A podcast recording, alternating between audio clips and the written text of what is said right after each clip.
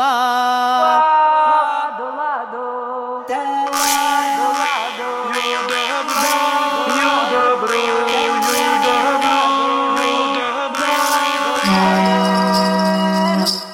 Sulu mēneša vidū labu dienu jums teica latviešu tradicionālās kultūras raidījuma laika ratariti vadītāja Iveta Medene. Šodien, pēc klausītāju lūguma, studijā esmu aicinājusi folkloristi Janīnu Kursīti, lai iztaujātu par visjaukākajiem ģimenes godiem, krustabām, kristībām, jeb kūmu godiem. Labdien, Janīna! Labdien! Raidījumu sākšu ar tautas dziesmu, kurā, manuprāt, ļoti saudabīgi atainota mazās dvēselītes ierašanās pie mums uz zemes. Es atradu vabolīti, mēslienā īrotājot, satinosi nēsdaugāji, ienesosi istabā. Ja būs mani dievs vēlējis, tas būs manis pādenīts. Tikko dzirdētajā tautas dziesmā jaunā dzīvība šai saulē parādās kā kukainis. Janīna, kādi vēl ir folkloras materiālos minēti mazās dzīvībiņas ierašanās veidi šai zemē? Visdažādākie, bet parasti saistībā ar totēmiskajiem priekšstatiem, un totēmi bija tā lieta, ka senāk ne tikai mūsu senči, bet arī citu tautu senči uzskatīja, ka cēlušies vai radniecīgi ar noteiktiem dzīvniekiem, putniem, pat zivīm, bet šai gadījumā to, ko jūs dziedājāt, ir bērns, kamēr vēl nav krustīts, Viņu sauc par kukainīti, par vilciņu, var arī par zīltiņu. Te ir redzams arī, ka vēl nav saprotams tā bērna dzimums. Tikpat labi tā varētu būt no kurzemes pādēniņš, var būt gan puisīts, gan meitiņa, bet bieži, lai nenoskaustu, nedod Dievs kāda ļauna acs, nedrīkstēja atklāt bērna dzimumu skaļi, un tāpēc teica, ka iesmeļ asarīti vai sapaliņu, skaidrs, ka tad ir puika dzimis vai iesmeļ iesmeļ raudiņu, tātad Bet meitene. var. Bet retāk līdeciņu. Nodziedāšu vēl kādu tautas dziesmu, kurā ļoti uzskatāmi redzams dvēseles atnākšanas, tātad arī aiziešanas ceļš no vienas pasaules citā. Jūs kūmiņas nezināti, kur pādīte radījās, jūs kūmiņas nezināt, kur pādīte radījās, kur pādīte radījās.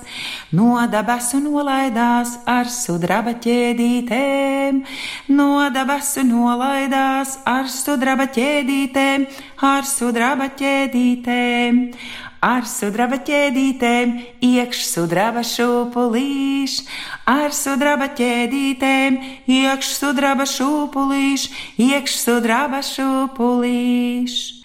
Šī tautas dziesmā rādīts, kā jaunā dzīvība no debesīm nolaižas pa sudraba ķēdītēm, sudraba šūpulī. Šis ir ļoti sens motīvs, kur mums būtu jābūt lepniem, ka mēs esam tik senu priekšstatu saglabājuši, kā dzīvības nolaišanās vai nu pa trepēm, bet šai gadījumā pa ķēdīti, sudraba, tā ir tāda dievišķās gaismas klātbūtne, ko nozīmē iešūpot dievības iešūpots, ielikt dzīvības ritmus. Tik svarīgi šis moments, kas arī turpmāk būs. Jā, svarīgs. nu tu teici ķēdes, trepes, virvītes, bet te liepainieks Leo Lapiņš jautā tieši par garās pupas simbolisko jēgu. Vai tas ir tas atnākšanas vai aiziešanas ceļveids? Tās arī ir tik senas un tik interesantas dziesmas par garo pupu, jeb arī citviet balto rozi vai sarkano rozi, pa kuru uzkāpja augšā un nevar saprast, vai uzkāpja nomiris vai uzkāpja, lai atgrieztos atgrieztos. Un te ir jānošķir vairākas lietas. Mēs aiziesim drusciņi no krustībām. Jā, jā, tieši tāpēc nav no, jā, jautājums bet plašāk. Visbiežāk garā pupa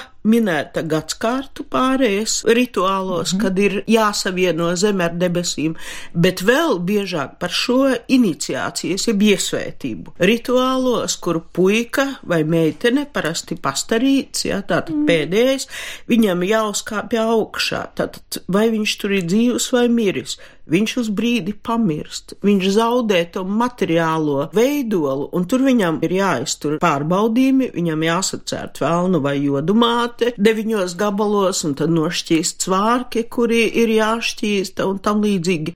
Ja pa garo pupu. Uh, Mēs parasti nedziedam kūmu godos, jo tur jā, iet augšā lejā. jā, tieši to es gribēju teikt, ka atskaitot krustības, ka tas visbiežāk ir pubertātes iniciācijā, Jā, jā. kad bērns no pusauģa ir jākļūst par pieaugušu. Kad kūmu godi tika rīkoti, vai dienu pēc pirtīžu rituāla? Un tā jautā Jā. Sandra Krauliņa no Jā, Mārapas.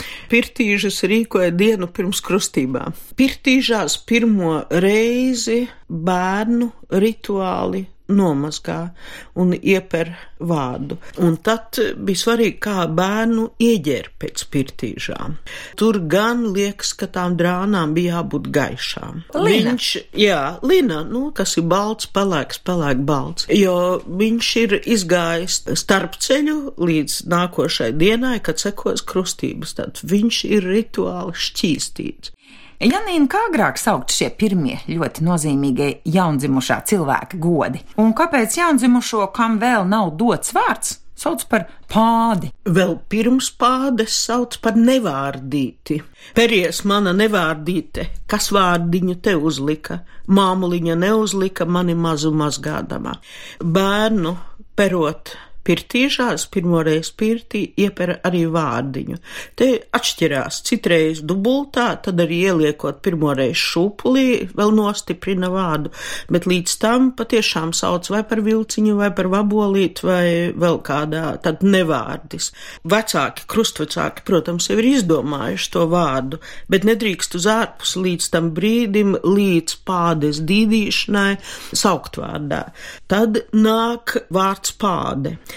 Pāde aizgūts no ģermāņu valodām, pāt, bet kas savukārt ģermāņu valodās ienācis no latīņu pāter, burtiski tēvs, nu, bet kas ir tēvs? Aizgādnis, tātad par pādi varēja saukt gan kūmas pašus krustvecākus, To es esmu lasījusi, jā, jā. gan arī tos bērnus, kas ir jākrusta. Tad vārds, kāpēc aizgūts? Visticamāk, ka tāpēc, ka atkal tabū ka nedrīkst saukt vēl vārdā, bet pats rituāls pādes dīdīšana tas atspoguļo seno pirmskristietisko krustīšanu, tā teikt, bērna, jo kas tur pamatā? Pamatā iet aplī, bērnu iekļauj vidū, un pēc kārtas katrs paņem bērnu vidū auklēt, ceļot uz augšu. Dancina. Dīda, dīda, vārds dīdīt ir eh, variants vārdam likt, lai dejo, bet viņš Mhm. pats nevar dejot, tātad mazu bērnu dīda palīdz Jā. dejot. Svarīgi ir šīs rokas kustības, svarīgi acu kustības, ķermeņa žestu valoda. Tad ir viena arī ļoti sena lieta, kur man pašai bilkstoši jāmeklē, kas ir nešumāte. Agrāk es domāju, ka tas ir cits vārds krustmātē. Krustām šķērsām izskatot tautas dziesmas, atradu tādu lietu, ka no baznīcas pārbraucot, lapsa bērnu noslēpusi un metiet meteklības.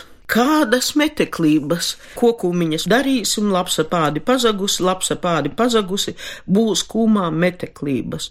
Tā ir it kā lapsa, kas nozagus to bērnu, bet tālāk ir redzams no citām dziesmām, ka kūmas, kūmas meklējiet, lapsa pādi pazagusi, tā nebija lauka lapsa, tā bija veca māmulīte, citu vietu nešumāte. Tātad lapsas ādā vai maskā nešumāte, un izdevās atrast, ka tā nebija krustmāte, bet tā bija tāda, kurai jau pašai ir bērni, tātad pieredzējusi, viņai uzticēja to bērnu, to pādi vest uz baznīcu. Brauca pirmajā vislabākajā un stiprākajā zirgā viņa un arī atpakaļ. Viņa aizved un atved agrāk uz Māras baznīcu, tātad senākā, jaunākos laikos, jā. Un eh, tad, kad atved, viņa rituāli paslēp to bērnu zem gultas vai kaut kur kaktā un prasa mest meteklības. Meteklības, tātad sākot ar krustvecākiem, beidzot ar pārējiem krustību dalībniekiem, ir jāmet nauda, un tad skaidrs, kurš jau met vērā to apdzied, vajag sudraba vai zelta naudas gabalu, lielāko daļu no tās naudas patur bērnam, tas ir viens no pirmajiem pūriņiem, ko ieliek, un kādu daļu tai nešumātei saglabā. Tad jau tā ir ļoti svarīga persona bijusi, tāpēc, Jo- ka iznāk, ka vecāki šeit nepiedalās šajā rituālā. Pādes dīdīšanā viņi piedalās, bet viņi ir kā statisti. Tur ir galvenās personas kūmas, jeb krustvecāki, bet ceļā uz baznīcu un no baznīcas vai pirmskristietiskajā svētnīcā tā ir nešumāte. Un tas rāda savā ziņā kā māras aizstājēja vai līdziniece zemes līmenī. Uz to brīdi tas arī ir ļoti svarīgi. Jā, kam var uzticēt no, jā, bērnu. kam var uzticēt bērnu. Jo krustvecāki varēja būt arī jauni un Nu, nu, bez bērniem. kā jā. bērniņu Ļoti svarīgi mm -hmm. bija arī krustvecākiem, nu, ņemsi vecus, tātad bērns izaugs varbūt ar tādu Nu, vecību neņem seju. vecus. Jā.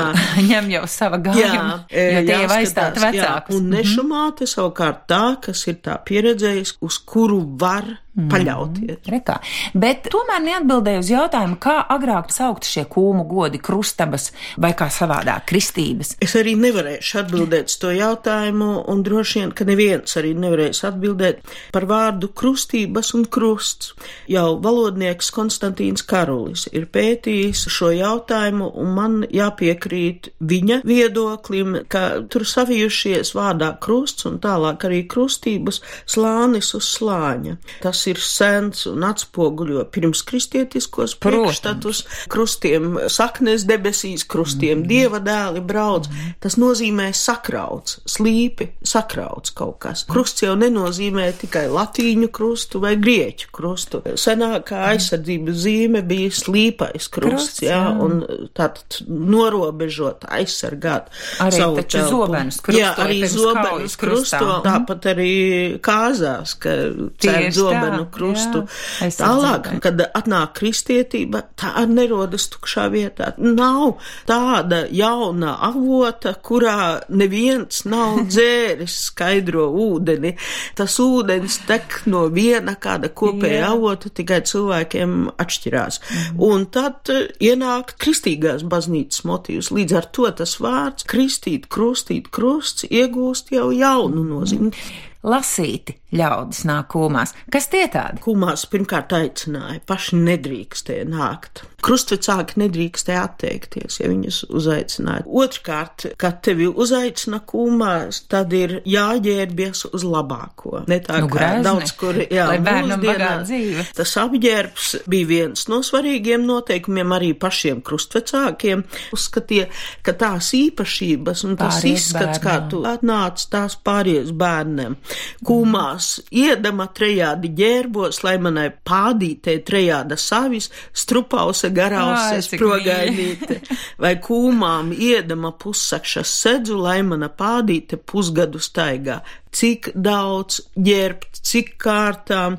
Tāpat, kas arī bija svarīgi, nebija tikai baltās drānās, kā varētu domāt, Tā godos. tagad sludina internetā. Manuprāt, tas ir galīgi Eh, apvārds. Jā, ka eh, bija jābūt pamanāmam krāsu tādam plankumam, zili zaļam. Mēģis. jā, Ai, jā, man jā. mēģis vārds. Plandaties, plandaties, plandaties, plandaties šo svētdienu kūmībās. Kumā siedama duisvārki vilku, zilu vilku viersuji, zaļu Nu, apakšā. tad? Jo jābūt saistībai ar zaļo, ar auglīgo un zilo debesu krāsu. Te ieliek gan garīgo, gan materiālo, ja tas būs tikai baltā viena.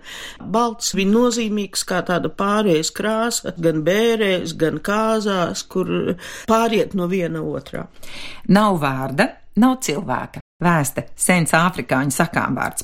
Vārds ir kā burvju mētelis, kas padara cilvēku redzamu un sasaucamu.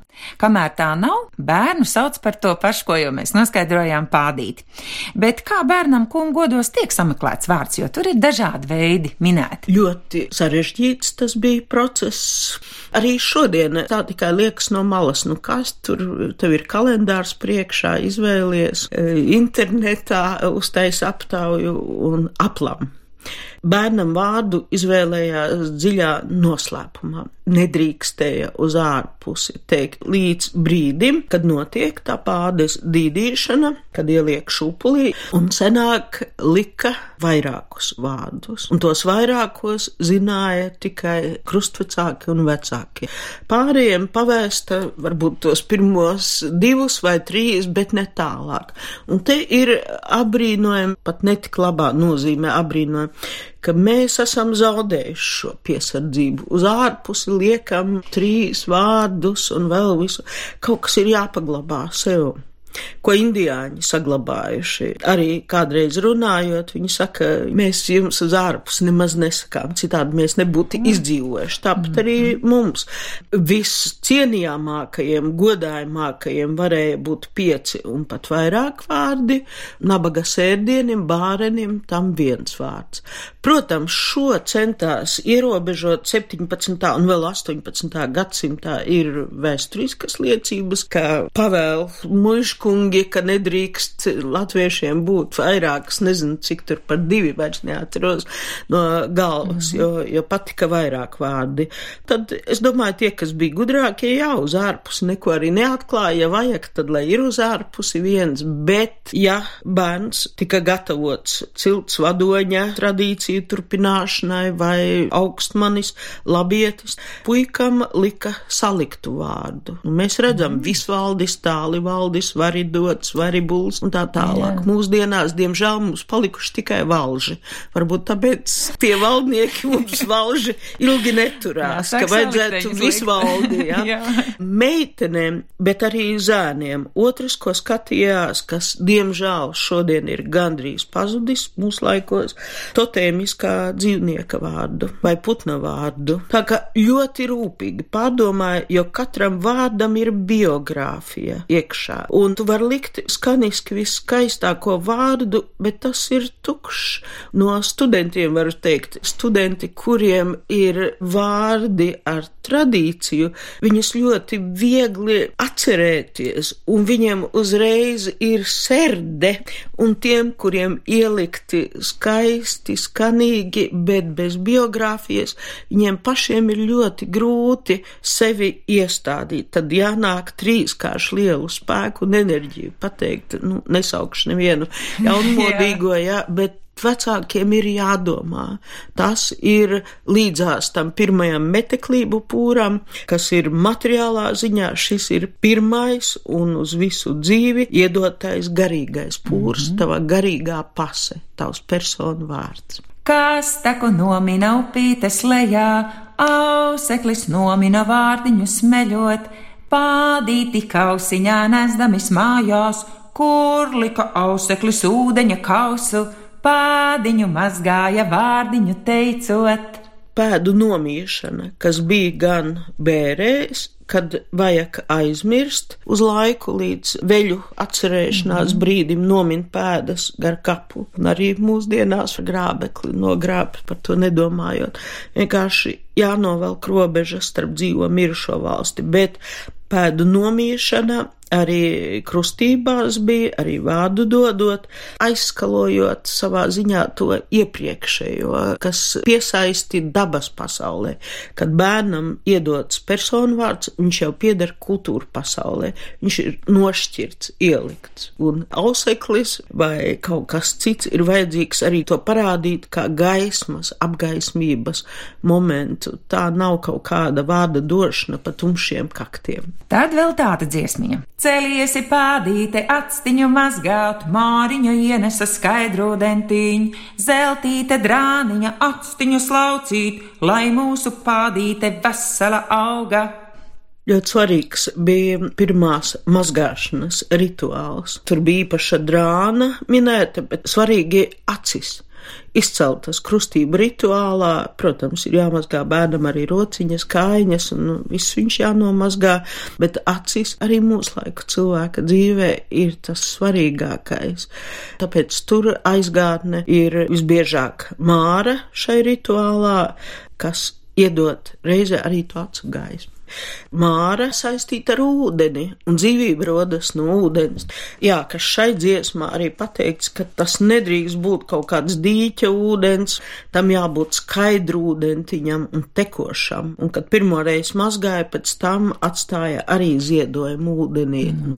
Par kūmu pienākumu tikusi uzskatīta arī šūpuļa kāršana. Kūmas brauc mežā cirst piemērotu līksti jeb kārti. Kā zināt, ko cirst, ko necirst, kā to darīt? Tur bija sava noteikta zināšana. Pirmkārt, kādā vietā cirst. Nekad nedrīkstēja cirst zemā vietā, purvainā vietā. Otrs bija vīriešu koki un sieviešu koki.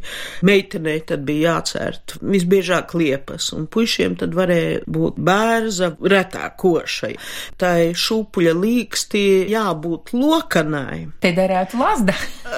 bet lazda nekur nav minēta. Lokanai, bet ne līkai jo tad bērns izaugs līks un locīsies visu priekšā. Ir arī minētas tās viltus līkstas, ka cer trīs, un tad tik to īsto trešo slepeni pa logu liek iekšā. Jā, nu tas pats, kas ar personu vārdu vārds ir trīs, vai citreiz pat nocert vienu, bet saka vārdos, mm. ka mhm. cer trīs.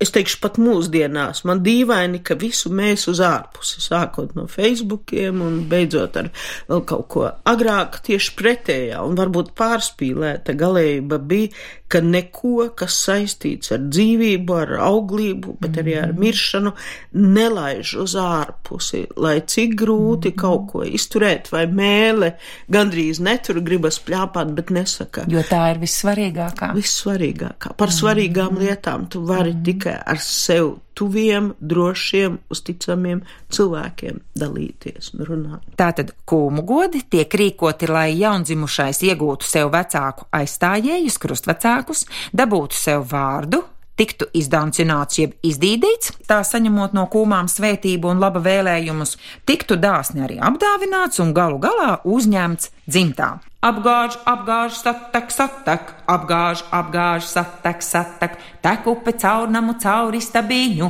tā tek rudzimieži pādītes klētī.